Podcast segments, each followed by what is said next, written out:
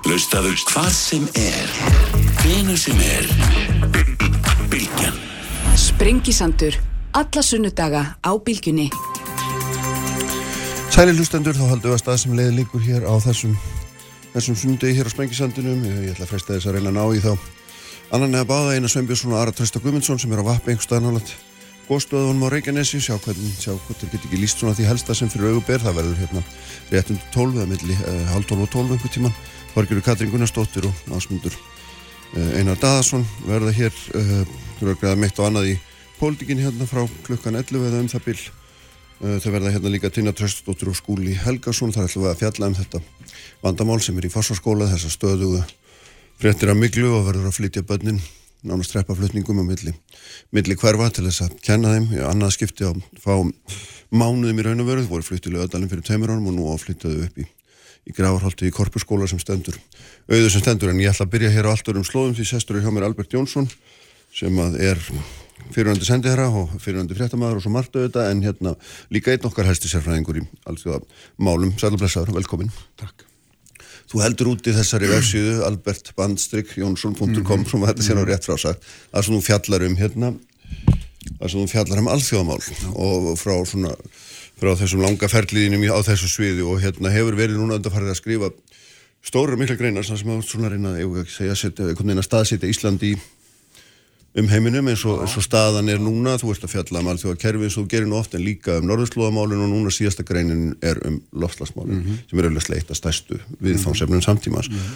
og þarna og það er eftir að koma kannski inn á aðeins aðra punkt að heldur en maður er vanur að heyra og þannig að fjalla um hvernig þetta svona getur allt saman haft gríðarlega áhrif á auðvitaðningsmál og auðvitaðningsstefnu samskipti þjóða, samkefnishæfni þjóða og svo framvis farður svona með mér í gegnum þetta aðeins sko, hvar, hvar hérna þú segir til að byrja með að árangur og 20 ára umræðum loslasmál sé hverfandi og, hérna, lítill, já. Já, einmitt, og, og, og þess vegna séum við kannski að horfa fram já, svona óróa þessum málum sem geti haft alvarlega rannengar Já, ég sko, er að skoða þetta í sem samhengi við alþjóða pólitík mm. og alþjóða kerfið og til dæmis í alþjóða pólitísku samhengi skiptir feiknarlega miklu máli að ríki heimskiptast í þróunaríki og þróuríki sem svo eru kalluð og síðan er það alþjóðakerfi sjálft og einkenni þess. Og þetta mál af mörgum ástæðum er uh, alþjóðakerfinu mjög erfitt. Alþjóðakerfi samanstendur að fullvalda ríkjum. Ákvarðanir eru læst í samlefnari það er ekki yfiríkjavald til að framfylgja ákvarðunum hafa eftirlit sem er trúverðugt uh, það er ekki viðurlög þetta eru allt miklir veikleikar en þetta eru einkenni alþjóðakerfisins sem er um 400 ára gamalt í grundaldaraandriðum og ekki negin reyfing upp í því að, að breyta þessu mm. fullveldið er nú bara tölvöld eftir sótt fyrirbæri og um, svo, svo fer maður sko velta fyrir sig, já ok eh, er þá einhver samnefnar í mögulegu, ég bendi á í þessari greinu lofslagsmálin eh, þetta fyrirbæri sem kallað er hamfara hlínun þá, eh, munum við enda á þeim punkti að, að einhvers konar ótti við þetta fyrirbæri samin í mannkynnu og ríki heims. Já, akkurat. Ég er bara, bara að nefna þetta sem möguleik það þarf einhvað til þess að valda Já. slíkum, hafa slík áhrif. Mm. Nú hinn möguleik og það myndi auðvitað íta til hliða þessum hindrunum sem ég var að nefna og lúta alþjóðpolítík og, og, og, og einkennum alþjóðkerfi hinn möguleikin er auðvitað tækni. Mm. það er mjög margir sem horfa til hennar. Bill Gates nýbúin að gefa út bók þar sem eigin áherslan er að þetta verði að leysast í gegnum nýsköpun og, og tækni. Þetta er, þetta er orku vandi þetta, er, þetta er orkumál og feikilega feikilega dýrt. Og þess vegna þetta, Hvað meinar þegar þú segir dýrt? Að það er eina af þínum höfur auksendum og kostnaðurinn getur orðið svo mikil hvað ert að horfa á það? Já, tökum bara dæmi. Um, í fyrra var kreppa í heiminum. Mm. Og þetta er dæmum hversu nátengt þetta er hagkerfunum sko, kreppa í heiminu, talið að losum gróðursvoftaðenda í fyrra hafi minkað í fyrsta sín sko í mörg án og minkað aðeins í formálkrepfinu 2008 og hafi minkað um 67% losun í heiminu losun í heiminu með um 50 miljardar tonna ári núna og e, það þurfti sem sagt kreppu í hagkerfi heimsins já, já. til þess að sjá slíka minkun mm -hmm. Þannig að það er bara eitt dæmi um kostna. Nú loslasnefnd samnið þjóðana segir að, að, að ef ég leysa þetta mál uh, þá kalli það á fordæma lausar aðgerðir, fordæma laus áhrif á samfélag fólks í heiminum. Mm -hmm. Þetta snýst um dagsdaglegar þarfir manna og, og lífskjör og lífsmáta og væntingar í heiminum, eins og ég nú benda á þessari grein. Það eru væntingar í þróunaríkjónum um miklu betri lífskjör og sum þeir eru komið vel á veg með það og betri lífskjör kalla á enn meiri kröfur og væntingar og þetta felur í sér loftkælingatæki og kæliskápa og mikla mannvirkja framkvæmdir og, og aukna samkvæmgur, auki flug, aukna bílanótkun og svo framvegis og framvegis. Það eru orðum bara... Já, alltaf, já, og hvað mann kemur orkan sem að, sem að gerir þetta mögulegt. Hún kemur úr jarðefnælsnýti eins og mm. það er 80% af orku framlegsli heiminum er úr jarðefnælsnýti, kól, olja, jargans. Þannig að ég svona legg upp með þetta frá þessum staf og, um, og hérna síðan fer ég að skoða þetta út frá því sem þú nefndir á sem, sem er í svona alþjóðapolítíska samíki þá byrtist þetta einmitt í, í samkeppnishæfni og samkeppnisstöður ríkja af því þetta er svo nátengt hagkerfunum uh -huh. og efnaðsmálunum og þetta hefur verið rauður þráður í allir þessari sögu. Þegar að samir um svo Kyoto bókun sem er svona upphafið af þessum prósið, ofsteindar fyrir en, en og fyrsta stóra, stóra. skrefið, já, já Kyoto bókur 97-8 sem við verðum að ganga frá henni. Að þá kemur strax í ljós áður um að gengi frá Kyoto bókurinni að öldungadel bandaríkja þings feldi það 100, með 100 atkvæðum gegn engu að bandaríkin myndu gera staðilar þessari bókun af því að hún tæk ekki til þróunaríkjana þar á með voru nefndu þetta Kína og Indland þessi, þessi stóru fjölmönu ríki Kína er núna langstæsti losandinn í heiminum, mm. þriðjungin að heimslosuninni, enda 1400 miljónir manna ja. og um, þannig að bandaríkinu eru aldrei aðilega að Kyoto-bókunni. Clinton stjórnum hún reyndi ekki einu sinni að leggja þetta fyrir bandaríkjum. Og þá var ekki bara bandaríkinn síðan sögðu þessi frá Kyoto-bókunni af þessari ástæðu aðalega, mm. Japan, Ástralja, Kanada og, og fleiri. Nú, samkeppnisstaðan, hún tengist mjög náið sangirnismáli þessu sem að þróunaríkin, þró, þróunaríkin segja, já sko, gróðursoloftegundu sapnast fyrir í andrúsloftinu. Það var gert það frá því þið, þróunaríkin byrjuðu að, að, að uppbyggingin ykkar hóstan. Þannig að þið eigi megnið af þessu. Við erum að losa mikið núna, við erum til að nýbyrja. Skilur, þannig að að þau segja þið get ekki komið til okkar og láti megnið að reikningnum lenda á okkar herðum, þið verður að taka megnið á honum. Og þetta geta heinir ekki sagt sér vegna þess að þetta byrst ekki bara í einhver svona debit og kreditdálkum, þetta byrstist beinlinis í samkeppnistöðu fyrirtækja. Mm -hmm. og um, Þetta er það þannig að þróunaríkin þau, þau hérna segja við viljum bara halda áfram að losa og, og þið þurfum við að taka á ykkur hérna, samdráttin. Þið þurfum að taka meira en við, kostnaði. Og síðan, sagt, þetta tekst ekki með að hún náði bara til örlítis hluta af ríkjum heimsins. Já. Svo er reynd á leittóðafundi í Loslandssamlingsins í Kaupanöf 2009, mjög dramatískum fundi í desember 2009, að lenda þessu þannig að menn sættist bæði á töluleg markmið með mingalósum og samning samkómulega sem náði til þróunaríkjana og það tókst ekki. Mikið drama. Síðan er reynd enn sprakk allt á síðust stundu var ekki, hvernig var þetta? Já, þetta voru bara erfiði dagar. Er mjög, mjög fræg saga og mm. dramatísk. Og, um, og Danir hérna í geskjafar og, og, og fórsæti þessu og mjög erfið síðan 2015 þá er aftur reynd og gerður Parísasamningur og þá er þessu lent hvernig? Jú, þróunaríkin eru með en, en Parísasamningunum felur ekki í sin eina skuldmyndinga það er afleggingin og um, og uh, þannig að eina skuldmyndingin í Parísasamningunum er að, að menn ætla að stefnaði einhverju. Þannig er undir þér komið hvernig þú ferðaði þú ert skuldbundin til að taka þátt í prósess en það er engar skuldmyndingar um framkvæmdina. Það var það Kína og Indland sem ég nefndi á það að þau hafa líst yfir og þetta er gert þannig að ríki lýsa yfir hvað þau hyggjast fyrir í, í, í, í mingaðalosum og þess að vitsmunum á næst fram til 2030 nýta orkuna miklu betur. Þannig að við munum losa miklu minna fyrir hverja framleita einingu fyrir, með við þjóðaframleyslu en meðan þjóðaframleyslan eikst þá er þetta eikst heilda losunin hjá þessum ríkjum, hún eikst mjög hratt. Þannig að, að svona var þessu lengt og þetta er einmitt dæmum hvernig alþjóðakerfið fungerar.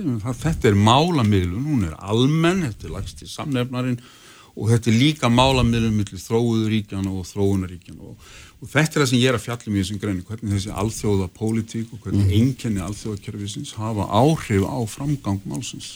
Og, og, og það sem að eftir því sem ég skilt á greinu það, það sem gæti gerst í framhaldinu væri það að, að þeir sem að vilja knýja skussana til hínni þeir komið þá á einhvers konar viðskipta þvingunum eða búið til eitthvað kerfi þar sem að hérna Já, þar sem að mönnum verður refsað fyrirtækjum frá Kína verður refsað fyrir að Kína er ná ekki sínu markmið og þá getur þau ekki flutt vörðuna sínur út eða eitthvað, er það ekki eitthvað slíkt sem að svona raun og veru er að raungerast bara í kringum þessi lið mála sem eins og ég segi, er búið að vera rauður stráður í allir sögunni, nú er þetta að ná því stíi að það er í Európa-sambandinu er í meðförum tillaga frá Franklandastjórninu um landamæra skatt landamæra gjald ekki kallað tollur, þetta er kallað Carbon Border Adjustment Mechanism.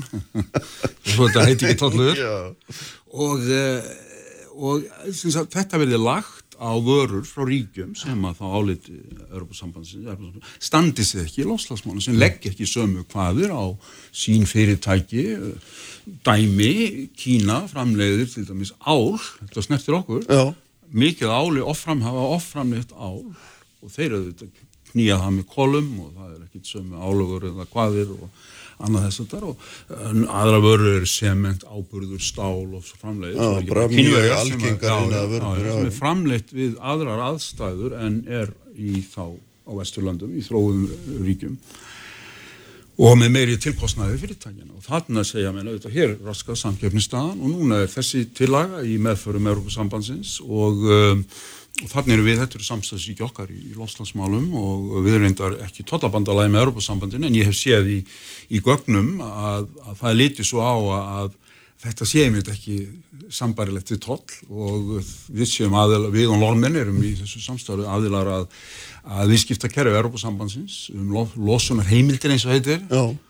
og, um, og leiðandi hljótum við að verða aðilar að, að slíkum, slíkum landamæraska Hvaða afleggingar myndi þetta hafa? Já, það er auðvitað erfitt að sjá fyrir. Og við skulum hafa eitt í huga í öllum þessum málum, það er ekkert að bresta á í þessum málum, tímarammin enn og aldrei rúmi, þetta er svona mál sem er að svona eldgósa tímarammi. Það mun skýrast margt að þessu næstu árum þessum áratög, bara til að slá fann fyrir þetta er ekki að gerast á morgun en auðvitað er, er þá á uppsýklingu hugsanlega viðskipta deilur í heiminum sem lúta af og eiga rætur í lofslagsmálunum mm -hmm. og það, það er það sem ég er að benda á og um, þannig að, að þetta kristallast uh, þessi alþjóðapólitíski vingil kristallast í þessu fyrirbæri samkjöfnistað.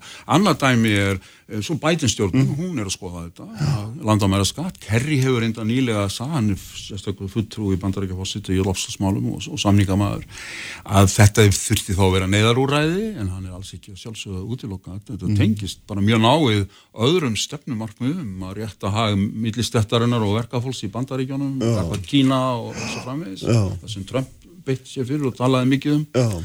þannig að Nei, þetta er nátengt inn á afslaskatti til þess að ná því margmiði Já, þetta er bara eins og öll mál. Ég finna að tengast efnahagsmálum pólitík og, og svo mm. framvegis. Það er mm. ekkit, ekkit óeðlilegt við það og um, En mér finnst þess að svona tónin í greinin ef ég má taka þótt, ég veit að þú ert ekki í pólitík sjálfur en, en, en tónin er að þú ert ekki þú ert ekki dróðarlega bjart síðan að þetta gangi eftir þetta Parísasamkomulega verði hérna raungjart Nei, ég held að sé, sko eins og segi, þetta er ekki eitthvað sem maður er að bresta á og það er tími og þetta mun skýrast á næstu árum, bæði lofslagsmál almennt og fyrirbæri eins og hann fara línum, hvaða áhrifum það var, nær það pólitískri fótvöst í heiminum almennt, ef það gerist þá breytist þetta mjög margt.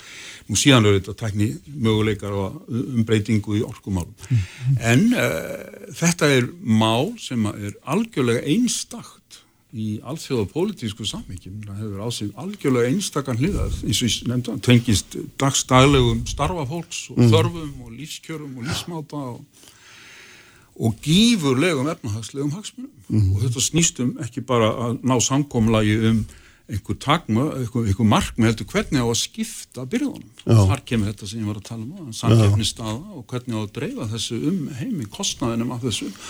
Og það verður að gerast, menn, ríki mönu auðvitað, vera á Vartbergi og passa, reyna að passa upp og það aðri sig ekki að fara að sleppa betur en, Já, já. en, en, en maður sjálfur. Þannig að, þannig að það gæti, gæti semst staðanárið svo að, að segja, hópur einhver svona saminsku samra ríkja hefði lagt sér allt fram eitt í það stóru, hérna, miklum penningum til þess að innlega nýja tækni og, og setja hömlur á starfsemi og framleyslu og svo hvað og svo, svo vaknaður upp í vonda draum 2040 um að þeir eru einir á báti þessu hinn er af ekkert gert Já, eða, Já, já. eh, sem svo er kallað, er enn til staða losun gróðsóloftegunda heldur áfram Já. við erum búin eða, Íslandinga kannski nokkur hundru miljardum eða hvað Já, er ég, bara já. skjótt út í lofti Já. en, en já, já, og við og mörg önnur ríki munum hugsanlega, þetta er ekki útiloka komast á þann stað að spyrja sjálf sig hvað við ætlum að halda lengi áfram Mhm.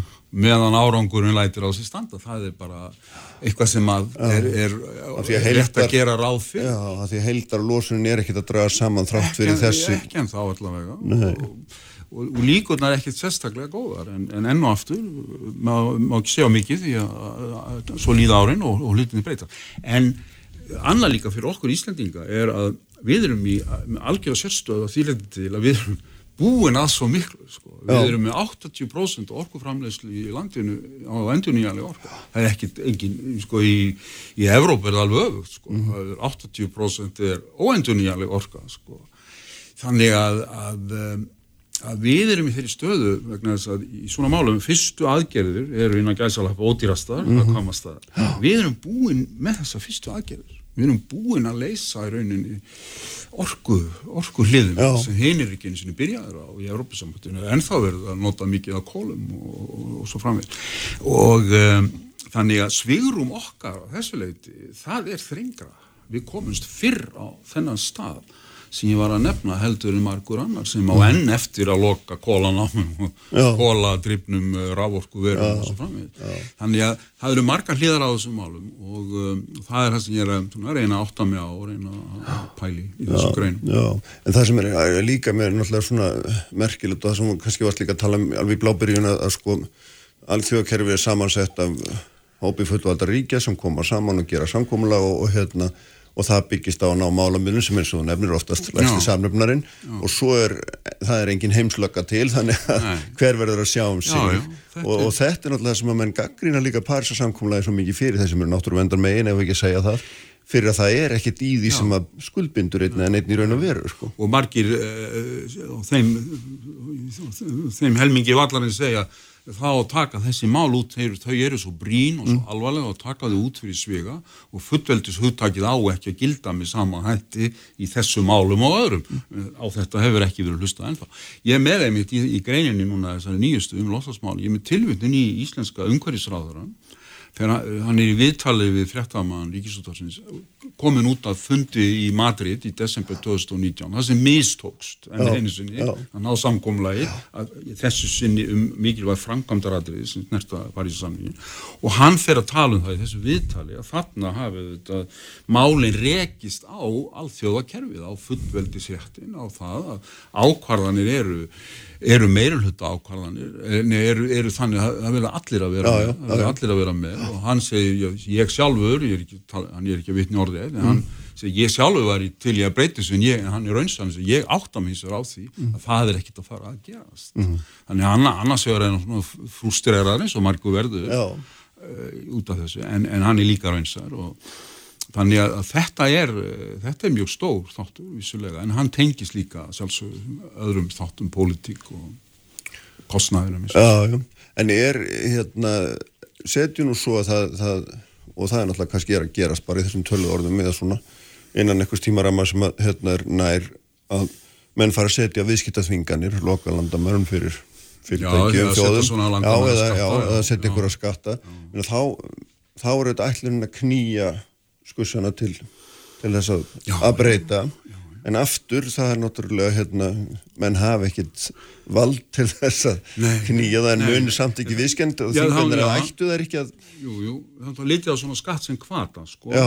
Ég vitna einmitt í, í bandarískan hagfræðing sem fekk Nóbasvelunin fyrir örfáum árum fyrir, fyrir einmitt rannsóknir á, á sviði umhverfismála og, og, og, og hagfræði og hann, hans tillaga er að það verði klúpur, ríki sem virkilega meini þetta, eins og hann segir, að við okkur raunverulega vilja, takið sér saman og verðleggi losun. Það er, það er eiginlega allir saman um það að það þurfa að verðleggja losun. Og hvað því það? Er bara hækka verðið fyrir uh, orku, Já. fyrir bensin, Já, olíu og, og allt það. Og um, já, þarna, orkugjafa, já, þarna ég, það, það vanti hóp ríkja sem að vilji taka fóristu, búa til verð sem síðan hækkar auðvitað með árunum. Og þau ríki sem ekki slást í hópin, þau borga skatt, það verður kvatinn sem sagt, ef þú ert ekki í hópnum Mhm. þá borgar þú allskins landamæra skatta inn á markaðin okkar. En það verður fellt niður ef þú kemur í hópin og ferð að verðleggja verðleggja kólefni svo það heitir Þannig, með þessu myndur náttúrulega eiginlega gera fátakari ríkjum, þróunaríkjum nánast útilokað að komast inn á feitumarkaðina með sína vörur, er það ekki? Já, já, það er hægt að hugsa sér slíka þróun og, og þetta er auðvitað það sem maðurinn er að segja er rétt í sjálfu sér en þetta er auðvitað ávísun á deilur í veraldunni ef að þetta er auðvitað gert svona.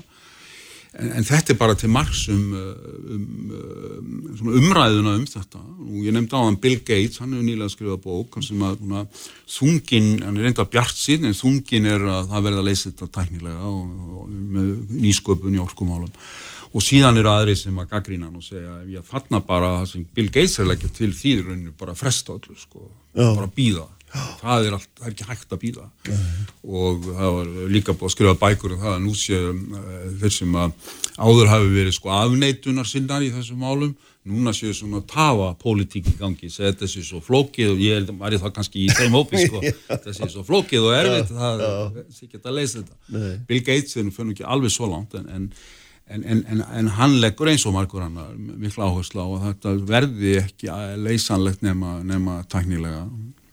En er, er þetta þá sem sagt, ef maður leggur saman þessar þrjár greinar þínar um hérna svona alþjóðakerfi, norðurslúðamálin og svo þetta, en þetta er í grunninn lang, lang stærsta Já. viðfánsefni utanríkspólitíkurinn á næstu já, er það ekki? Já, sko, norðurslóðamálin er mjög áhugaverð tengjast sjálfsögðu, sko, en gefum okkur það að þær haldi áfram og, og, og hafísinn bráni og, og norður Ísafið opni sem er, er spárum að það gæti gerst upp úr miðrjöldinni þá þetta gerbreytist staða okkar heimsluta og það er mjög áhugavert að, velta því fyrir sér og aðdragandi þess myndu þetta hefjast miklu fyrr og við sjáum bara aukin áhuga, alþjóðlegan áhuga á norðurslóðum, þar á meðal hálfu stórveldan, þar á meðal hálfu Kína og, og, og þetta er allt mjög áhugavert, en þetta er svona langtíma músík, eins og sagt er.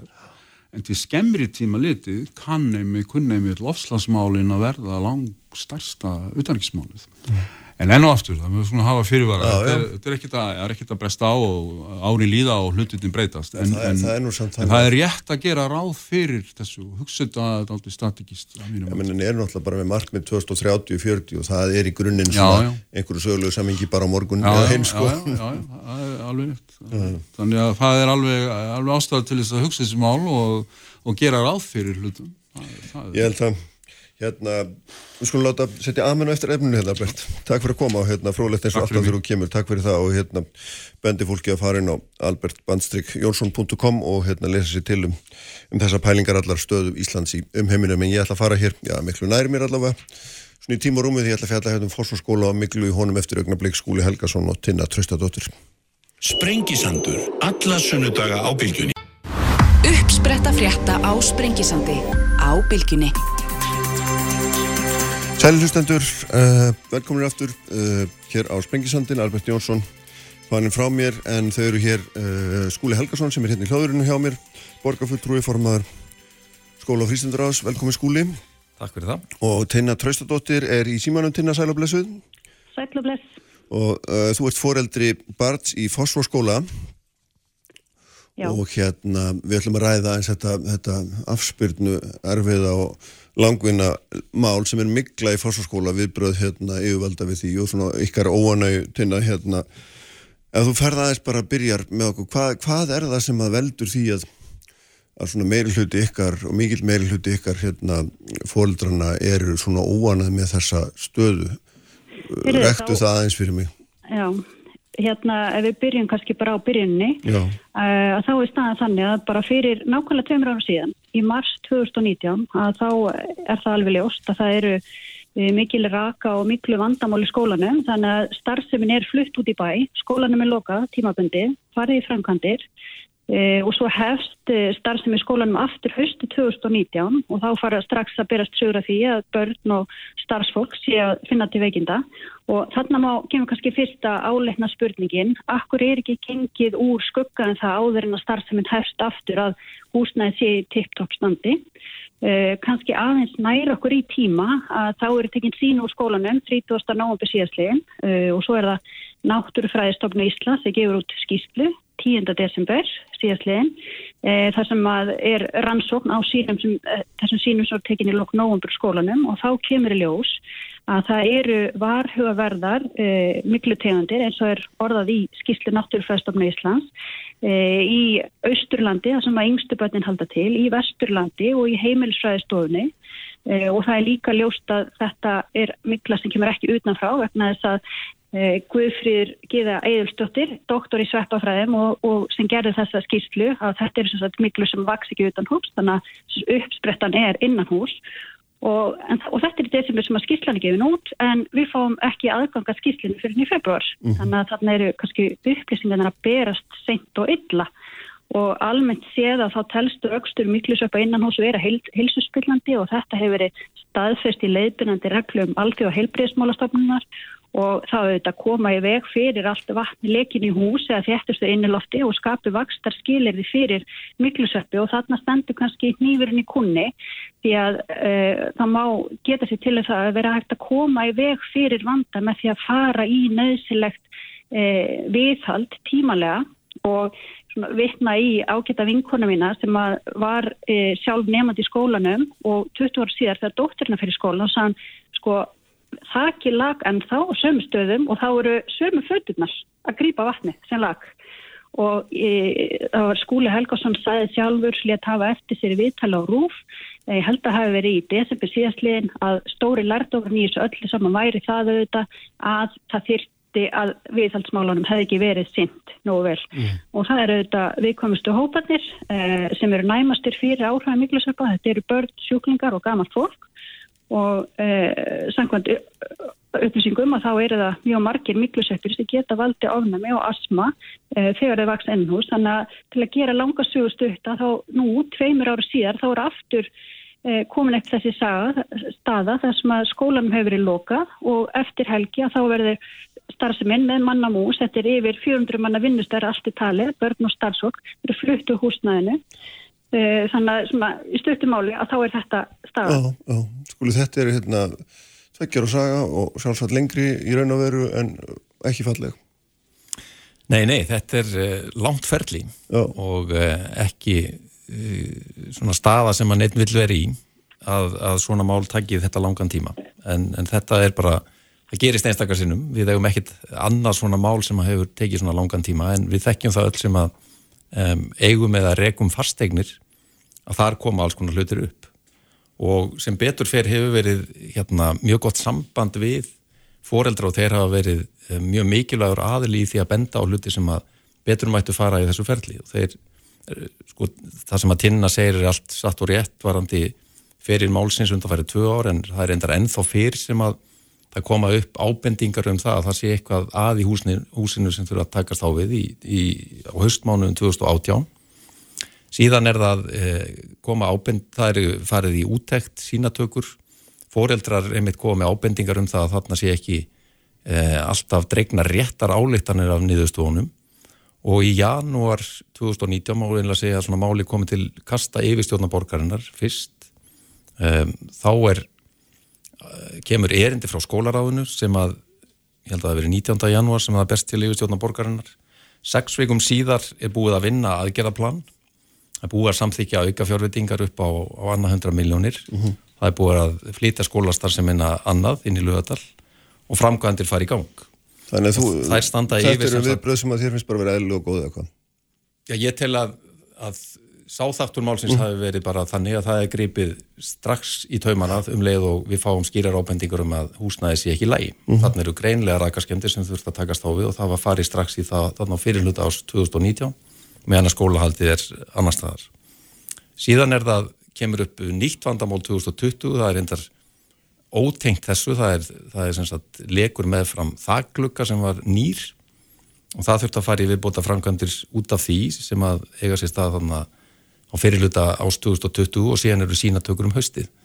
Það er tekin kjarnarsýni svo kvöldu þar sem er farið inn í byggingarefni og skoða hvað er að gerast inn í, inn í veggjum og í öðru byggingarefni og þetta þykja að vera nákvæmar í sínatökur heldur en að, að vera með gró og rækta upp á tilvörnastofum hvort að það er sveppavöxtur eða ekki og öll þessi kjarnarsýni reynast vera hrein, það er engin, það er ekkit vafasamt í þeim fjögur síni tekin hann um haustið.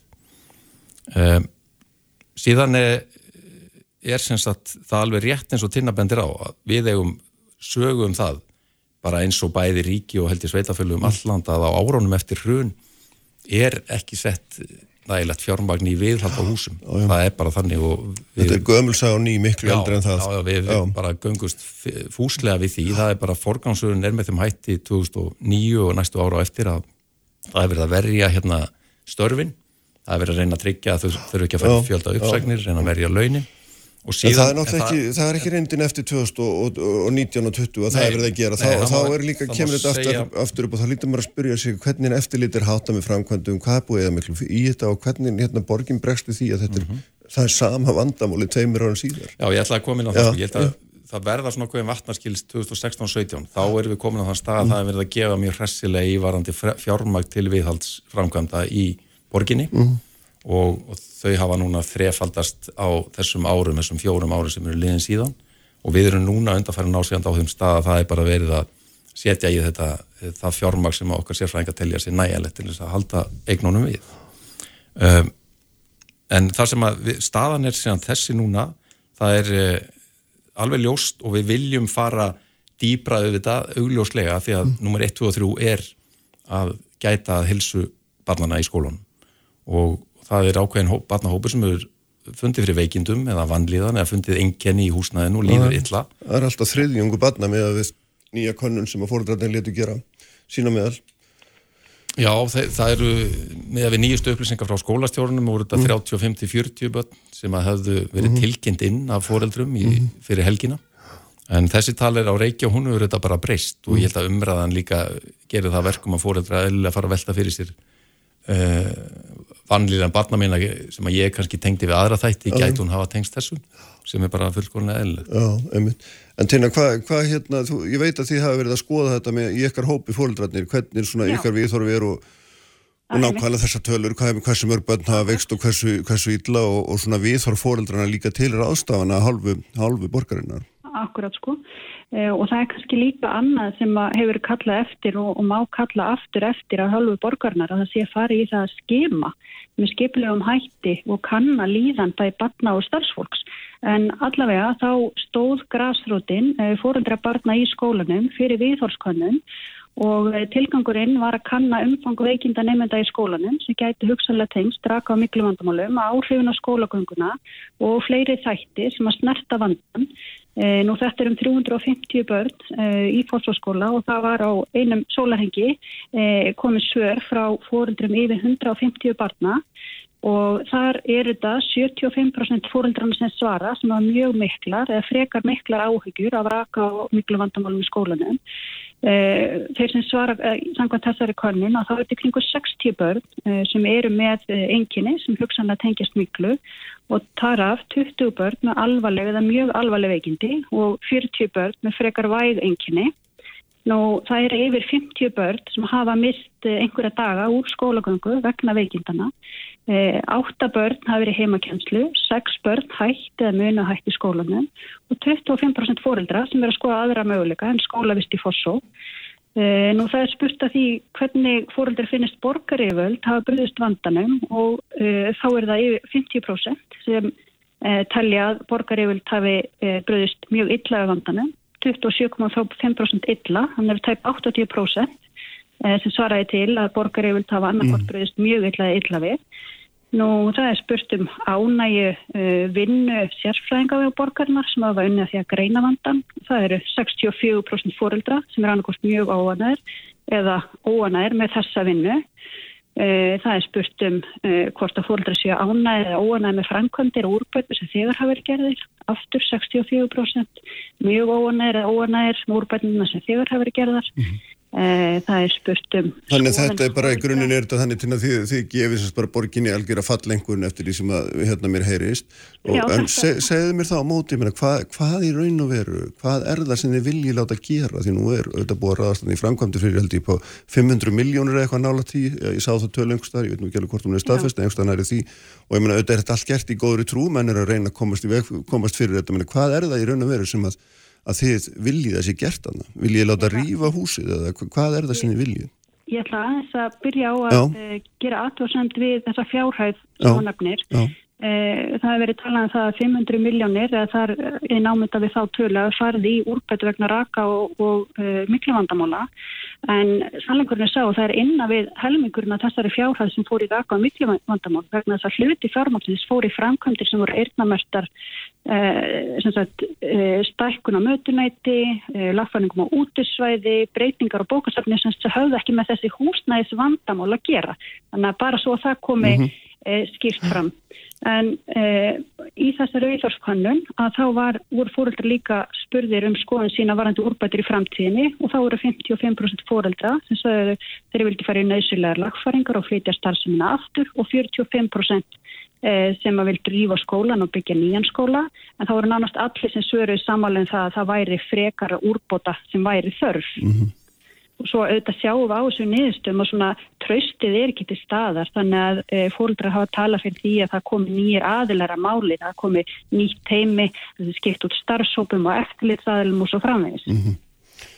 Skúli.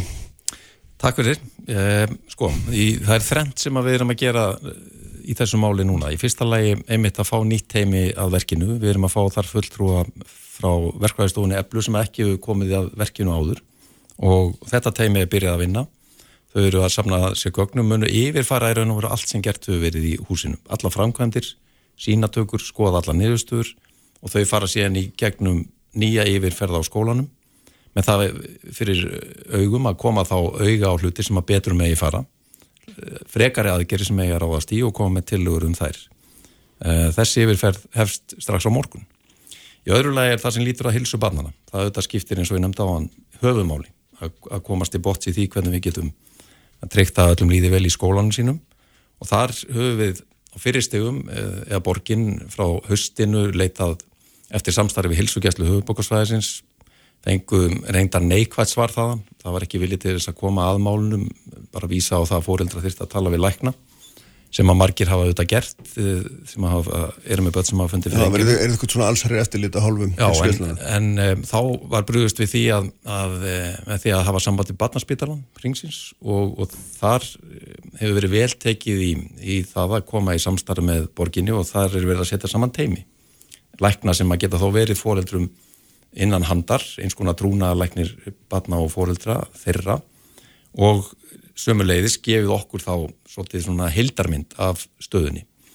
Um, í þriðarlagi er síðan verið að fara í gegnum uh, þessa aðgerð sem að við förum í þegar að ljóst er að, að vilji fóreldra er mjög eindregin í það ótt að, að vilja flytja börnin burt úr skólan. Það var ekki staðan bara fyrir rúmri viku síðan þegar við vorum með fundi í skólaráðinu uh, í mánu, mánudagi fyrir viku þá er sérstaklega spurt um þetta hver er villi fóreldra og, og það var bara sagt skipta skoðanir eins og eðlert er því að mikill meiri hluti barnana í skólunum hafi ekki fundið fyrir neinum enginum og fóreldra þeirra kannski tregari til þess að, að þurfa að fara í gegnum það rask sem að því fylgir að flytja starfseminna annar. Það breytist eins og er í síðustu viku, þá er komin þessi eindregni villi fóreldra til þess að fara með starfseminna annað, við hlustum á það og líka horfum á það að það eru mhm. fleiri sem að finna fyrir vannlíðan og veikindum. En þessir, þessir 500 miljónir sem Tinna nefndi, er það rétt að bara helmingurna því hafi farið í raun og veru í fyrirbyggjandi ja, sko, aðgerðir í gagvart rakaskemdum en annað hafi verið það er, það er alveg horrið að, að hluti af þessum framkvæmdum var þegar á, á áætlun að fara í uppfærslu og endurbætar á húsnæðinu. Mm -hmm. þannig að það skiptist á ymsa þætti en þannig verið að fara í gegnum mjög viðamiklar aðgerðir. Það er bara skipt um þak á stórun hluta skólans, það, skólans, það er mm -hmm. Það er verið að skipta um golvefni uh, það er færið í gegnum uh, hérna ímsa uh, aðra þætti sem að tengjast húsnæðinu og og, núna, og staðan er já, þessi sem að, að við setjum uppi með skóla sem að er hefur bara verið endurbyður að stórum hluta. Ég hef sjálfur farið í gegnum þessa, þessa hérna ríni á skólanum og, og hann er bara í mjög góðu ásíkomulega og lítið miklu betur út en hann gerði mm -hmm. fyrir tveimur, þreymur ánum síðan. Um, og þess vegna hefur hvart fóreldræmi til þess að fara inn í skólan, skoða því fóreldra hafi ekkit komið inn í skólan langt flestir í heilt ár út af COVID og við ekki á því, þess vegna lögum við áherslu á það að það væri opið hús í síðustu viku maður gengur náttúrulega ekki um, um byggingar og sér raka skemmtir sem er að felast inn í veggjum og einangrun Nei, ekki inn í veggjum, en, en það er ímislegt sem að auga já, sér sem að, og fóreldra hafa verið dugleira að benda okkur á það Hvað gerist núna? Nú eru börnin komin upp í korpuskóla eða verða þar vantarlega fram á voru, er það ekki? Er það ekki alveg augljóstuði verða það? Faraði aftur í skólan sinni í haust eða hvað? Já, það er of snemt að segja til um það. Við vonumst að sjálfsögðu til þess. Núna fer þetta nýja teimi. En þú treystir þér ekki til þess að fullir að svo verði? Ég treysti mér ekki til þess að sko, fullir að hvað kemur út úr rannsókn þessa nýja teimi sem á að fara alveg og, og hérna, kempa mm -hmm. allt sem gert hefur verið uh -huh. og skoða alla möguleika velta við öllum steginum endur skoða raun og verið það frangandi sem þegar hefur verið farið í. Mm -hmm. en það hérna, væri fullkomlega óabyrt að gefa sér eitthvað um já, já. kemur út úr þeirra en, en til að hérna, eitt, eina af þessum spurningum í þessari konun veit ég var svo hvort að fólk hefði hérna, geti hugsað sér að flytja í annars sveitafélag mér skilst að fjóruðungur ykkar hafi, hafi hérna, verið bara farin að hugsa um það. En meina, hva, hvað segir þú við því að, að, að það sé ekki eins og víst að þið geti komist með börnin aftur í skólinn í haust? Ég meina hvað Ég það sé algjörlega ótímabært að vera með botaleggingar um það. Ég, það, það er allavega bara sko, skóla samfélagi held er bara í áfalli og fólk þykir vænt um hverfi sitt og samfélagi sitt og það, þessi hlutir eiga þetta bara að vera í lægi og við þekkjum það frá Danmörk og öðrum löndum sem við byrjum okkur saman við að þegar koma upp vandamála sem tóka þá er eh, gert að rýma eh, húsnaði strax. Eh, fóreldrar eh, hafa talað um það að það sé hafi ekki verið hlusta næjanlega vel að þurfi gríðilega mikla baráttu, oft sé þetta svona barátt að nánastu vindmjölur, þetta sé barátt að við kerfið og það er svona ákveðin ómöguleiki í kerfinu, þannig að til að mynda þá talar skóla og frístundasviðin það að þeir reyðir sér á heilbriðs eftirlit reykjaukur uh, til þess að segja til um hvort að húsnaði sé óheilnegt. Uh, í fyrsta lagi að þá gerir heilbriðs eftirliti sjón og lyktaskoðun, þannig að mikla finnst ekki endilega þannig. Og í öðru lagi að þá er ekki til reglugerðir fyrir helbreyðseftilið til þess að vinna eftir þannig að ómöguleikin í þessu sá að þeir get ekki tekið afstöð til miklu vandamála. Þannig að það er, það er svona atriði. Mm, já, skuli. Aðeins að benda á, sko, það sem skiptir öllum máli í þessu að, að mínu mati er það að við séum alltaf á öllum stígum málsins að, að byggja á uh, niðurstöðum aðilar sem að eru sérfróðir, hvort sem að það tengist uh, byggingafrangvæmdónum eða hilsu og við séum ekki að, að rapa að einhverju niðurstöðum. Uh, Tinnar nefnir það að 45% fóreldra vilji rífa skólan. Ég vil bara benda það að það hefur engin fagaðili lagt neitt í þá veru til að skólinn sé í því ástandi að það er að rífa skólan. Og þannig að það er bara, skiljið, þá verður meina sumir á að vera að benda á, á hérna, Kásneskóla, það er mjög kópáinu, það sem, að, það sem að er farið í gegnum ástandsskólans, það kemur starfsópu með þá niðurstöðu og tillögu að skólahúsi sé að það illa farið að það eina viti sé að rýfa skólan síðan er það reyndar ekki gert fyrir en einu og hálfu ári setna eða niðurrið hefst og tæpum fimm ári setna er ekki byrjað að byggja nýjan skóla. Mm -hmm. bara því að hann er menn setja þá tímalína eins í samvikið það sem við erum að tala um hérna. Mm -hmm. hér fáum við niðurstöður um það að þurfa að ráðast í umfásmiklar endurbætur. Innan við sex vikum síðar eru þær framkvæmdir hafnar. Bara hann er menn aðeins hafið þennan samaburði í huga. Hvað, Já, það, það er alveg rétt einmitt að það eru dæmi e, auðvitað á Íslandi e, bæða frá stóru vinnustöðum og uh, skólahúsnaða sem hafa verið raka og uh, miklu vandamál og það hafa verið dæmi um mjög afgerandi viðbröð stjórnenda á þessum stóru vinnustöðum og í skólum í öðrum sveitafélög, bæðu höfuborgarsvæðinu og fyrir utan höfuborgarsvæði. Og innan borgarinnar eins og, eins og ég er að benda á, en, en við sjáum bara þetta að gerast bara núna í mars og februar mm. erum við að sjá dæmi um, um rakaskemdir og miklu á Akranessi uh, í Fjarðabigð og við höfum séð dæmin í Kópói, oh. Móselsbæ, mm -hmm. Akureyri þannig að þetta er, þetta er víða og þetta er já, já. Uh, hérna ekki verkefni sem að um, er skemmtilegt að takast á við en, en menn eru sannarlega mjög einbeittir í því að komast að rótum vandans í borginni með þessum trefnur aðgjörnum sem ég fór yfir hér á þann og hættum ekki fyrir að Nei. við erum komið ásættanlega og góða neðustu einhverja hugmynd hafið já, ég skildi, en einhverja hugmynd hafið um tímaraman sem að þið svona viljið gefa ykkur í þetta, nú kemur einhver ansókn og kannski verður hægt að fara inn í haust. Ef ekki, hvað þá?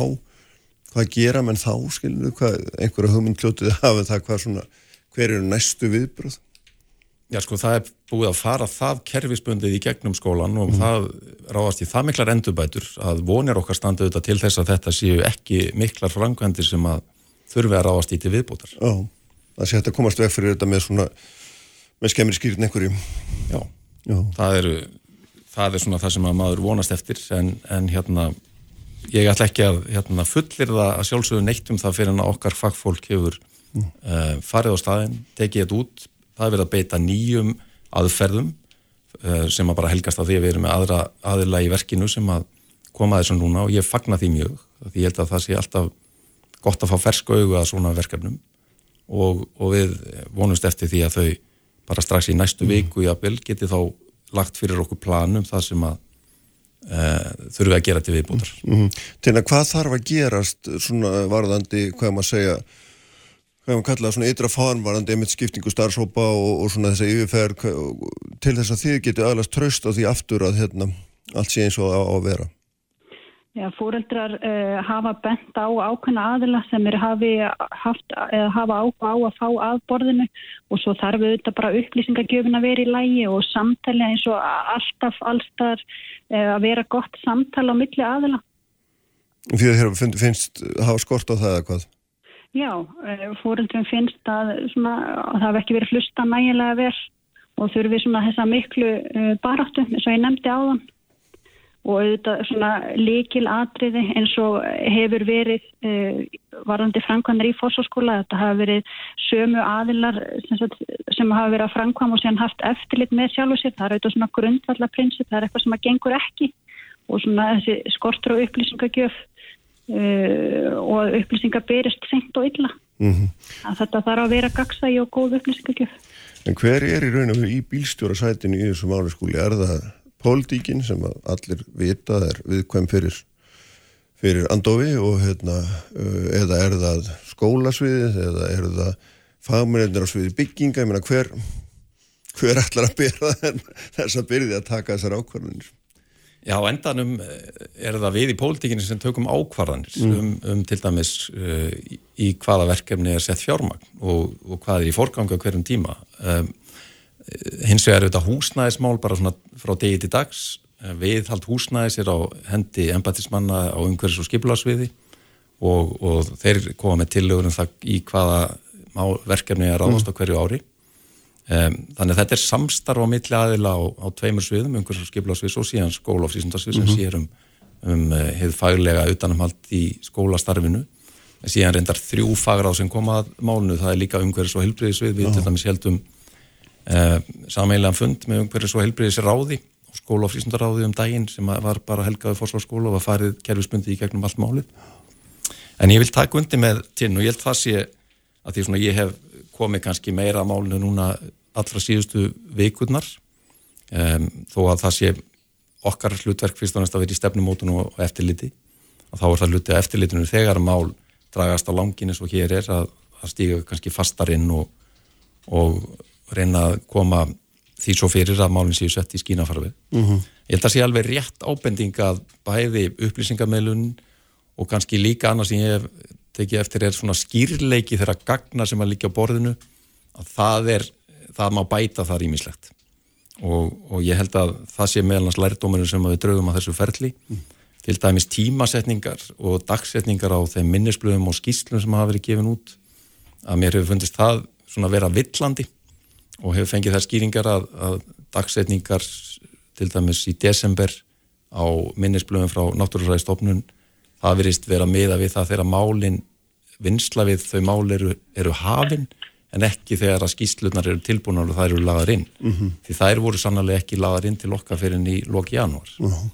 Ég hef með skýsluna fyrir fram á mig og hér stendur bara Akureyri 10. desember 2020 Nákvæmlega, og, og ég hef lesið og... þetta sama en, og spurt fyrir um þetta og fengið þau sluður að þetta er dagurinn þegar að málið er opnað en ekki þegar að skýslan er kláruð og sendið inn til borgarinn þetta er svona en, lítið en dæmi um, um óskýrleika gagn Já, en það rýma kannski ekki við það að síðan er minnisbla frá verkis varðandi niðurstöður úr þessu uh, og sem eru dagsetta þá daginn og eftir þannig að verkis að minnstu kosti var komið með þessa skýrslu og, og daginn og eftir eru þeir með minnisbla varðandi sína niðurstöður. Nei, þetta er nákvæmlega sama mál sem ég er að tala um að þessar dagsetningar bæði frá verkis mm. og náttúrulega mm miðast við það þegar að málið er opnað eins og kallaðis, en ekki getum, þegar að skýstunni er skiljið. Við getum týnt okkur í þessu en hérna ég held að sé alveg ljóst eftir þetta samtal og svona að það þarf að byggja brýr hérna milli, róa fóreldra og hérna sjá til þess að börnum komist aftur í góðan skóla í, í haust, er það ekki meimarfnitina? Jú, það þarf auðvitað að tryggja börn og starfsfólk í starfsöngurfi sem sé alveg upp á tíu og það er ekki hægt að gefa neitt afslátt af því. Nákvæmlega. Við erum öll saman um það. Nákvæmlega. Herri, takk fyrir að vera með okkur tína, takk fyrir að koma skóli. Takk fyrir. Það er verða með okkur hér, Þorgirður Katrín og Ásmundur Einar Daðarsson eftir ögnablik. Sprengisandur á bylgjunni alla sunnundasmórna.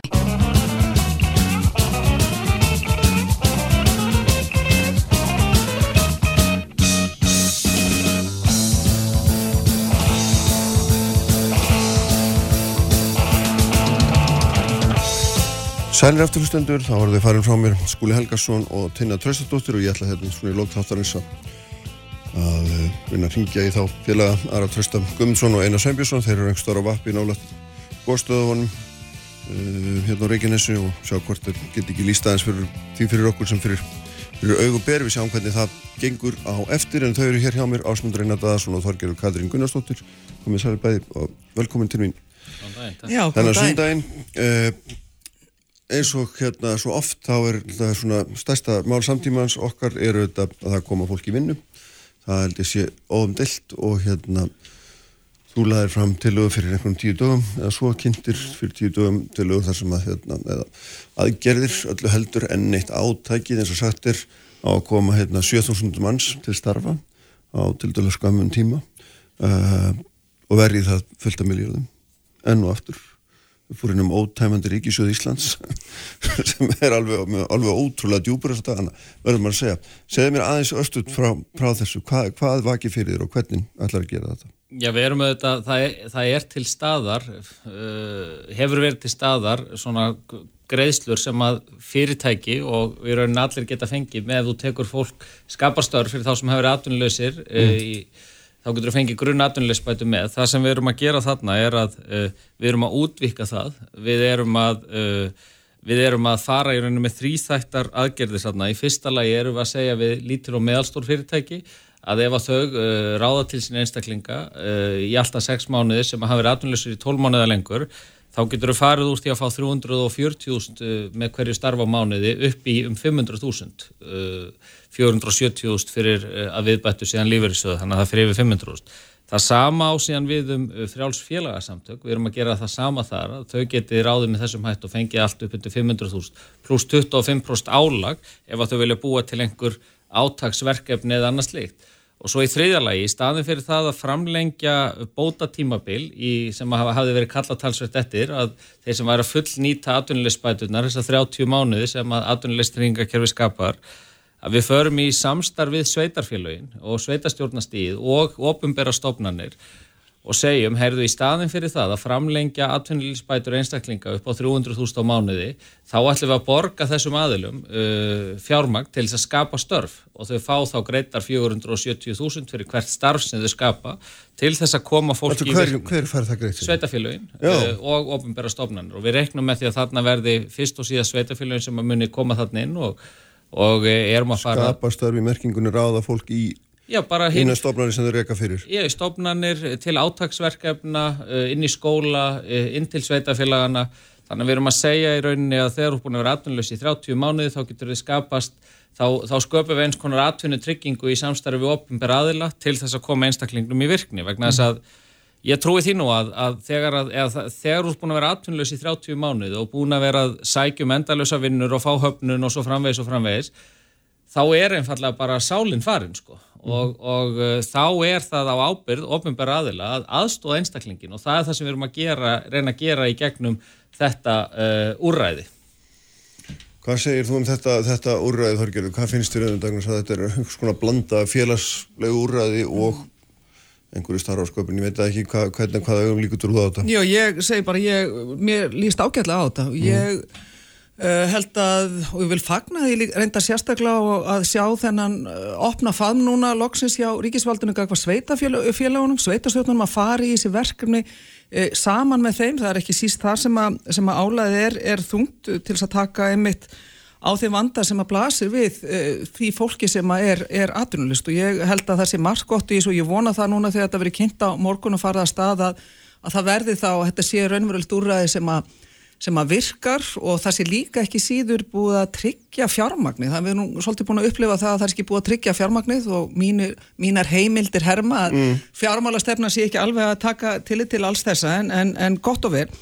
Á móti kemur og það er nákvæmlega það sem ásmundi segir að það er, það er rétt, við þurfum að átt okkur á því að, að aðstæðu þeirri sem eru atvinnuleysur og það er það sem ég hrættust við þegar uppistæði þegar við erum að fara komin út úr kófunu er að það verði hér aukinn ójöfniður að því að þetta bytnar, þetta ástand hefur bytnað á, á viðkvamum hópum, ungu fólki, konu fólki af erlendu um uppruna Eh, þetta er ekki fólk sem hefur um, fjárarslegt svigurum eða bólmagt til þess að, að taka á til að mynda andlegum, andlegri líðan. Þannig að ég hefði viljað ég, við, ég viðræstnum ítrekka sagt að frá upphæðu faraldusins komum með forverkar aðgerir einmitt út af þessu. Mm -hmm. Tryggjum og treystum uh, sálfræði uh, þjónustuna og keirum hann í ganga það nú strax þegar miklu bygglistar inn á, á helsugjaldsystöðunar og víða. Þannig að við hefum viljað sjá það og við bendum á þetta og eins og ég segi gott og vel að þetta er að koma núna en það er voðalega auðvilt að setja hérna í stjórnarnastu við ég, þó ég hérna dræði það fram að þá höfum við einmitt stutt við ríkisjóninni svo hægt er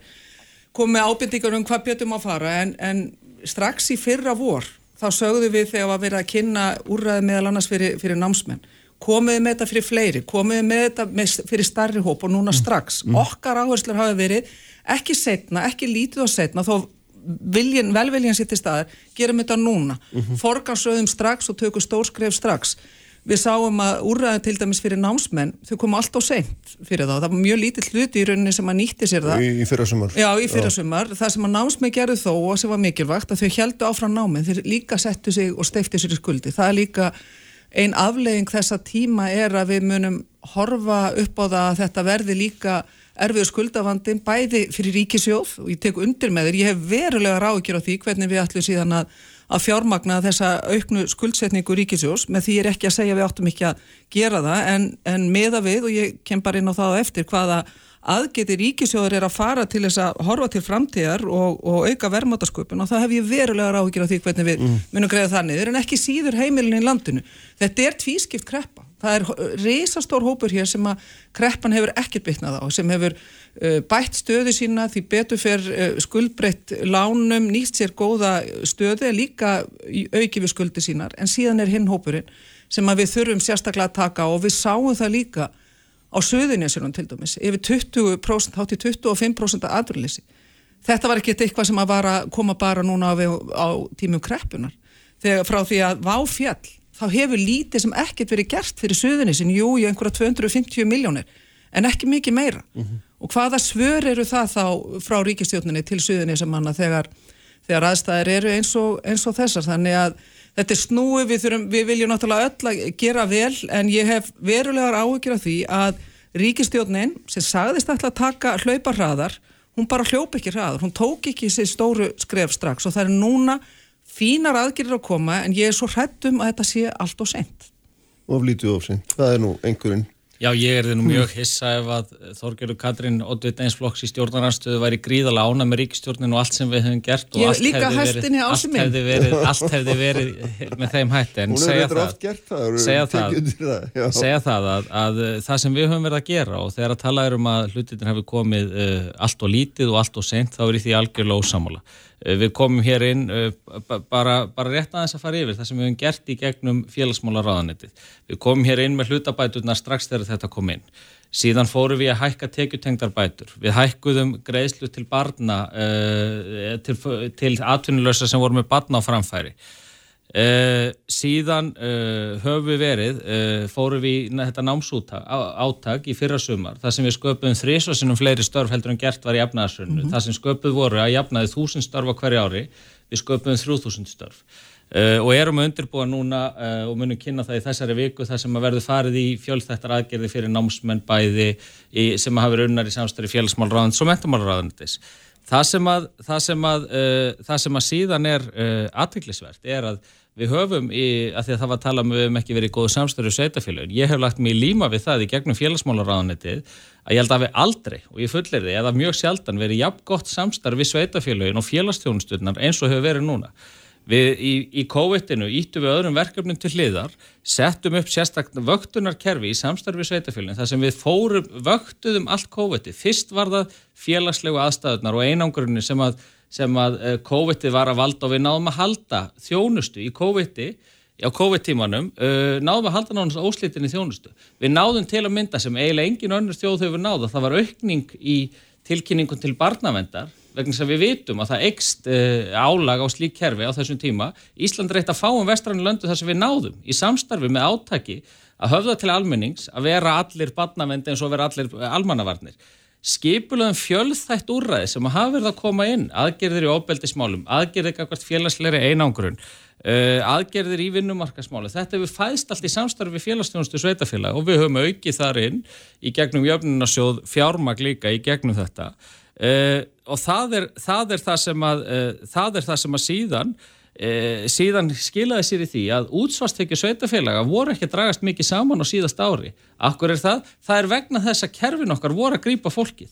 En eftir því sem að þetta dregst á langin, þá eru þetta mikilvægt að við höldum áfram að stíga skref í þessa veruna og það höfum við sannlega verið að gera og þetta úrræði sem við erum að koma með núna er bara eðlilegt framhald af því. Er eðlilegt framhald til þess að grípa fólk í samstarfi við, samstarfi við sveitafélögin og það hefur verið styrklegi þessar ríkistjórnar að það er að við erum að bregðast við á hverjum tíma. En þetta er sko úrræði sem á að grípa fólk sem er búið að vera atvinnulust lengur en 12 mánuði. Já, bæði og, bæði og. Uh, Það Það beinist einhverjum á sérlegi til að því, er það ekki? það beinist engum á sérilagi að því og þeim Já. sem eru búin að vera lengi atvinnulausir Já, en, við, og en búin að vera jafnvel 30 mánuði sem En- eru hérna, þú veist, þetta er náttúrulega bara lí, mjög, mjög lítill hópur. Þetta er mjög lítill hópur sem var eftir að grípa með bara sértakum Gerir síðan, fyrir, síðan erum við líka að fara í átak með uh, atvinnulífinu, uh, gagvart þeim sem eru atvinnulausir í 12 mánuði eða lengur. En það eru þetta líka þannig að styrkur okkar kerfis er sá að við erum með núna millir 20 og 25 þúsund mann sem er með einum með hörum hætti, kerfið hefur gripið það eru þetta þannig að þú skapar ekki 15-20 þúsund störf á einni nóttu þegar að þú lokar landin og lokar heilli atvinnugrein sem voru orðinni stærsta atvinnugrein þjóðarinnar þá er það bufferi sem þarf að grípa inn og við höfum gert það með framfæslunni erum síðan núna búin að vera að vinna í uh, uh, aðgerðum sem að lúta að uh, heimilónum vegna þess að en staðan er svo að við höfum ekki séð. Það hefur verið talað mikið um að nú muni gerast í framhaldinu að að fólk fara að missa húsin sín og svo framvegs og framvegs. Við höfum ekki séð það í því mæli sem að var hér í efnaðarsunnu en erum búin að vera vakta það og greina það og erum að vinna ákveðna aðgerðið því. Eh, Þannig að það er bara styrkur þessara stjórnar er að við höfum verið að fylgja þessu eftir með þeim hætti sem að, sem að í rauninni sýnir sig í að, að að uh, stöðuleiki og, og, rói, og, og órói stjórnvöldum aðgjörnum þeirra er með minnsta móti hér á landi við berum okkur sama við önnur ríki. Já, það er ekki síst meðal annars út af því að stjórnarnarstaðan að mínum að við höfum einmitt ekki farið þá leið að ala á óvissu og, og auka óöryggi, eins og stjórnarastæði sem ég hef upplefað gegnum tíðana að fara strax á torg að því að ábyrð okkar allra er mjög mikið að tala inn í ástand sem að veldur fólki ákveðin óvissu og, og óöryggi og frekar að reyna þá þó að við vitum og ég sagði það við mitt fólk þegar sumisögðu á ekkert að fara að berja þeim Ég held að ábyrg stjórnarnastæð á svona tímum sé mjög mikil við það að styðja líka við góðarargeður og viðurkenna það sem vel er gert. Hitt er síðan að við erum að upplifa mesta atunleysi í sögu þjóðarinnar. Mm -hmm. Þrátt fyrir aðgerði ríkistjóðnar, þrátt fyrir íslensku krónuna. Við Íslendingar eru með meiri verbulgu, áttasinni meiri verbulgu, þrátt fyrir íslensku krónuna og hennar sértæku aðgerði sem hægt væri að, að nota í svona, svona ástandi. Þannig að þetta er ekki að hefnast eins vel og ég vil sérstaklega geta þess að við erum að tala hér um störf og Kristján, þú bendir réttilega á það að það er verið að einblýna hér á störf fyrir langtíma atunuleysa sem er gott en á hinbóin að þá er það þannig og þess vegna fagnaði á, áðan núna sko sveitarfélaga nálgununa því að þetta er ekki sá tón sem við hefum heyrst á þingi til að mynda frá fjármálur á þeirra því að við bentum meðal annars á það að eftir marga bladamannafundi ríkistjónarinn um hvað ætti að fara í stórtaka innviða uppbyggingu að þá kemur við ljós eftir greiningu frá landsbankanum að það næstu 10% af sambráttur Ríki var ekki tilbúið og hvað gerir fjármálur á þeirra? Hann bendir á sveitafélagun og þegar þau sína þau voru tilbúin, þau voru farin á stað þá er ekki takt að segja annað heldur en að það er ákveð sinnuleysi af hálfu ríkisvaldsins að get ekki farða að spýta í því við þurftum á því að halda mm -hmm. þetta er ein ástæða þess að við erum að upplifa núna meira atvinnuleysi heldur nokkuð tíman í, í sögu þjóðurinnar mm -hmm. og mér finnst þetta og það er það sem að mér finnst vera meðal annars ámælisvert ég vil líka draga fram og það er eiginlega það sem að hérna að því að ásmundir er hér og við erum með vissulega alls konar fólk og alls konar fjölskyldur sem þarf á stöðningi að halda. Ég vil líka hrósónum emitt með félagslegum stöðningi sem hann hefur staðið fyrir og ég vil draga það fram að hans ráðunetti hefur verið emitt verið og ég hef talað við nokkru á sveitjastofnastígi þau segja að það ráðunetti hefur verið meira í samstarfi við sveitafélaginu heldur en flest, flest önnur. Þannig að mér finnst það að vera ákveðin framsækin nálgun alla jafna hjá, mm. hjá ásmundi til að mynda hans framlag til það hvernig við erum að leysa viðfársefni batna í vanda og þess vegna segi ég líka ég vildi ég sægi sömu framsækni hjá framsóknarfloknum einmitt í því að koma til mótsið fólk hvernig það getur bæði eignast og átt húsnaði uh, á þessum tímum líka hvernig það er að koma til móts við, við fólk sem er í, í erfiðleikum og enn og aftur og þá komum við á það hvernig við erum með fjármagnað uh, kerfi, efnaðaskerfi, hvernig krónan alltaf, alltaf býtur í hælan á, á fólki og við erum með mörg dæmi þess. Margret Kristmannsdóttir var, var gestur hér um, um daginn þar sem hún er að, að draga fram nákvæmlega suma aðstæður. Ungsfólks í Danmörku, kaupir 40 miljónar krónar íbúð í Danmörku og vina fólk þeirra sem kaupir 40 miljónar krónar íbúð hér. Mm -hmm. Danirnir munur borga 49 miljónir. Íslandingarnir munur borga 84 miljónir 84 miljónir, 35 miljónum krónum meira heldur en, heldur en danirnir og það vegna íslensku krónunar og það er sama hvaðar við berum niður. Mm. það er verið að tala um að það þurfa að gæta fjármála stöðuleika honum er alltaf telt í tvísinu að því það vill engi taka á fylnum í herbygginu og mm. fyllin í herbygginu er íslenska króna Ég ætla bara að segja það svo að það sé on the record að mér þess að tölur ekki hljóma sannilega þú fyrirgjur Já, þetta er bara, bara það sem já, já, ég ætla ekki að kaupa þér Já, en þetta, er sem, að, en þetta er það sem þau hafa verið að segja og draga fram og þetta er margítrygg og ég hef mann það í gegnum tíðina við fengum útrekninga Íslandinga borga sitt húsnaði alltaf þrísasunum oftar mm -hmm. heldur en danir og það er margsýnt fram á það Gott og vel, hérna, sko, ásmundur, það er alltaf marg sem að Þorger er að segja sem þarf að svara, en það er alltaf líka sem... Það var alveg að tala um efruna, en hérna... Já, já, meðal annars. Sem er stærsta hagsmunum á Íslands. Já, ég, ég eiginlega skil ekki hvernig þetta er að tengja inn í efna þess að það ger ekki að COVID, sko. Nei, en býtu, en sko, það sem að, við langar að þess að nefna við því, vegna þess að það er... Já, ertu ekki langt komin. Það er, það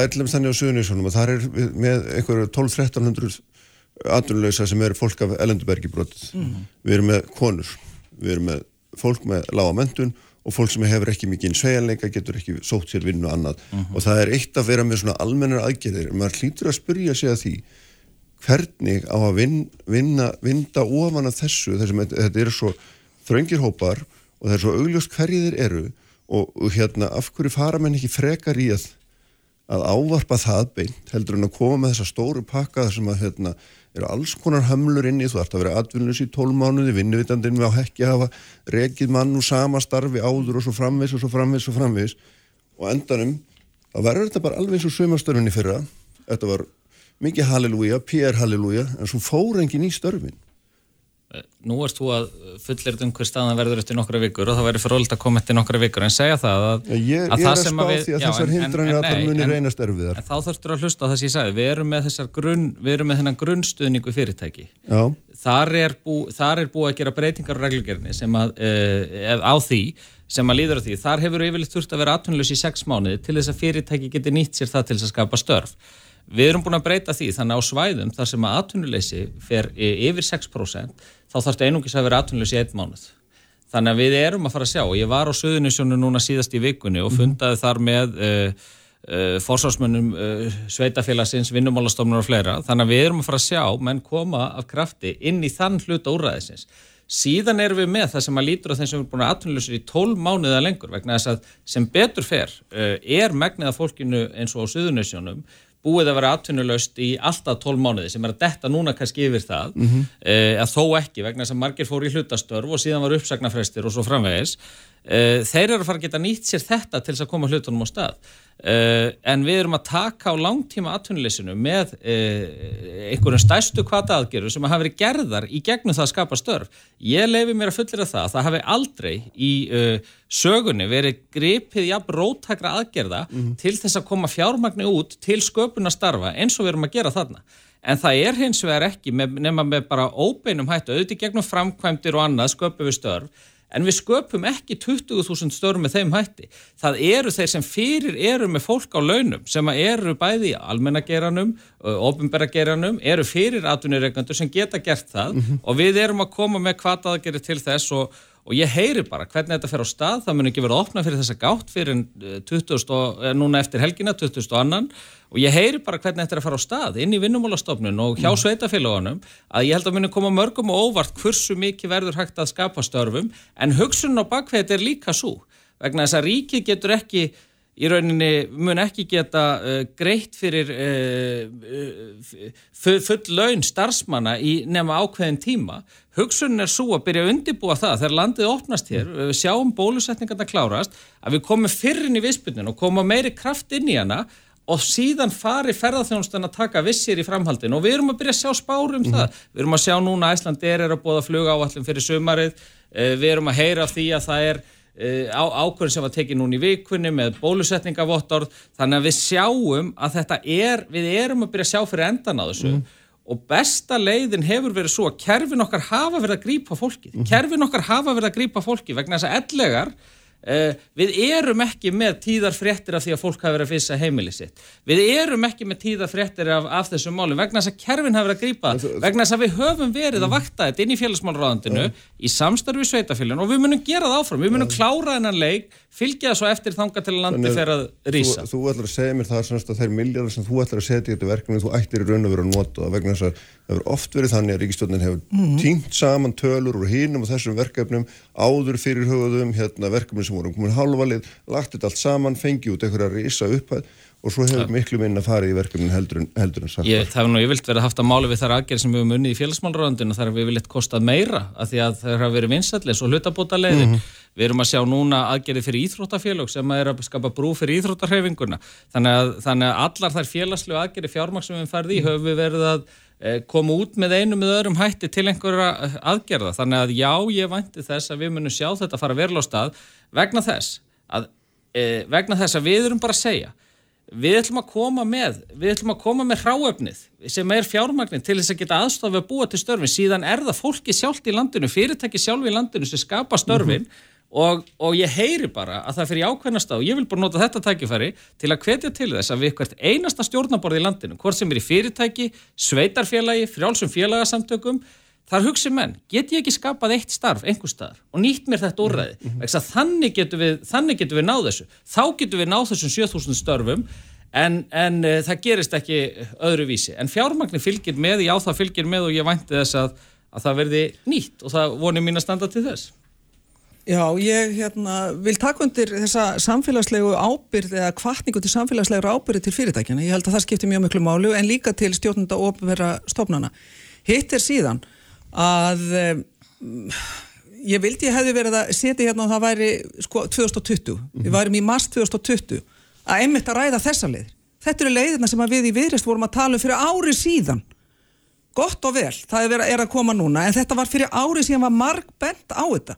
Og það sem er að gerast og við hefum séð ítrekka núna allt árið, núna bæði síðast og núna upphafið þess ás að bladamannafundinni sem hafi verið haldnið, emdirnar hafi ekki verið í samræmi við það. Og talandu um hlutabótaleðina sem að var aðgerð sem að við stuttum eindrið sem skilaði sér allt annað heldur en brúaláni sem voru kynnt með pomp og prakt og fáið sem engir notuðu, hlutabótaleiðin var virkleið hvað gerist, menn er einhverju panik og einhverju hysteríu þá fara menna að geldana, fara að herða kröfur. Uh, ríkistjóðin kemur uppsagnastyrkina það leiði til þess að, að, að hlutabótaleiðin sem var virkilega virst úrraði, hún verður í rauninni hverfandi notkun þegar á líður. Og ég held að þetta sé hluta því sem að við erum að upplifa núna eitt mesta atvinnuleysi í sögu, sögu þjóðarinnar Þannig að, að hérna, eins gott og ég vil draga það fram. Það er margt fínt sem að ríkistjórnun hefur gert, ekki síst með stöðningi stjórnarhanstöðunar og bara samfélagsins alls. Mm. Af því við þurfum að koma okkur út úr kófinu. Mm. En ég er hrætt um það að ímsar aðgeri ríkistjórnarinnar muni til skemmri en ekki, leng, ekki síður lengri tíma hafa varaleg áhrif á möguleika ríkisjós til þess að íta hér undir verðmættasköpun og aukningu. Bara fjármála áallinu segir okkur það að árið 2025 þrátt fyrir aukin hagvöxt, þrátt fyrir aukna landsframlöslu, þá verður skuldastæða ríkisjós ekki sjálfbar. Og núna er við að sjá það að í þinginu þá er til umræðu gjalderis haftafrumvarp sem er náttúrulega bara makalýs yfirlýsing, eiginlega uppgjafar yfirlýsing ríkistjórnarinnar, eh, kakvart krónunni, að það er verið að bóða það að það er að setja sko varanlegar mjög viðtakar heimildir til fjármálaráþura og sælapokastjóra við að setja höft. Bara slík yfirlýsing er ákveði vantraust á, á efnahag Íslendinga en ekki síður það að það minkar samkeppnisæfnu okkar og við erum meðal annars núna, blessunarlega, að leggja mikla áherslu á nýsköpun. Við viljum að ferða manna eðnaðurinn fara að stað aftur, en hver eru skila búið ríkistjónarina? Það verður að eiginlega setja höft gagvart erlendri fjárfestingu í stað fyrir að laðað erlenda fjárfestingu. Þetta getur leitt, sem er náttúrulega mjög slangt fyrir nýsköpun ef við ætlum ekki að auka og að hafa alla gáttur hér opnar. Hvað þýðir þetta fyrir þá uh, samfélagið okkar ef að fara að setja hér aftur, aftur höft? auðvitað þýðir það hugsalega eignabólu hugsalega herri vextir hraðari herri vextir heldur en við áttum okkur á þannig að, að ég er hrætt um að þessar efnaðarslegu aðgerðir ríkistjónarar mm. Þrátt fyrir ágætis aðgerðir meðal annars ása í sínur ráðaniti að þær verði samfélaginu mjög þungbarar og geri okkar umhverfi minna samkeppnisæftin eða meðan við fáum ekki að ræða blessuðu krónum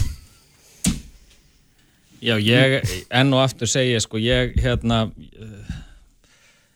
Við þorgerður erum nú sammálum ímislegt sko, en ekki uh, það að krónan og uh, þaugmál séu líkillin að því hvernig við náum okkur eftir COVID. En líkillin að því ekki að hlaupið hraðar? Ég hafði alveg hljóð á meðan að þú talaðir. Við höfum bara hlaupið glettilega hratt og, og segja það að, að það sem við höfum gert hérna, við höfum tekið utanum fólkið, við höfum tekið utanum fyrirtækin í þessum kabla sem við höfum verið að ganga hérna í gegnum.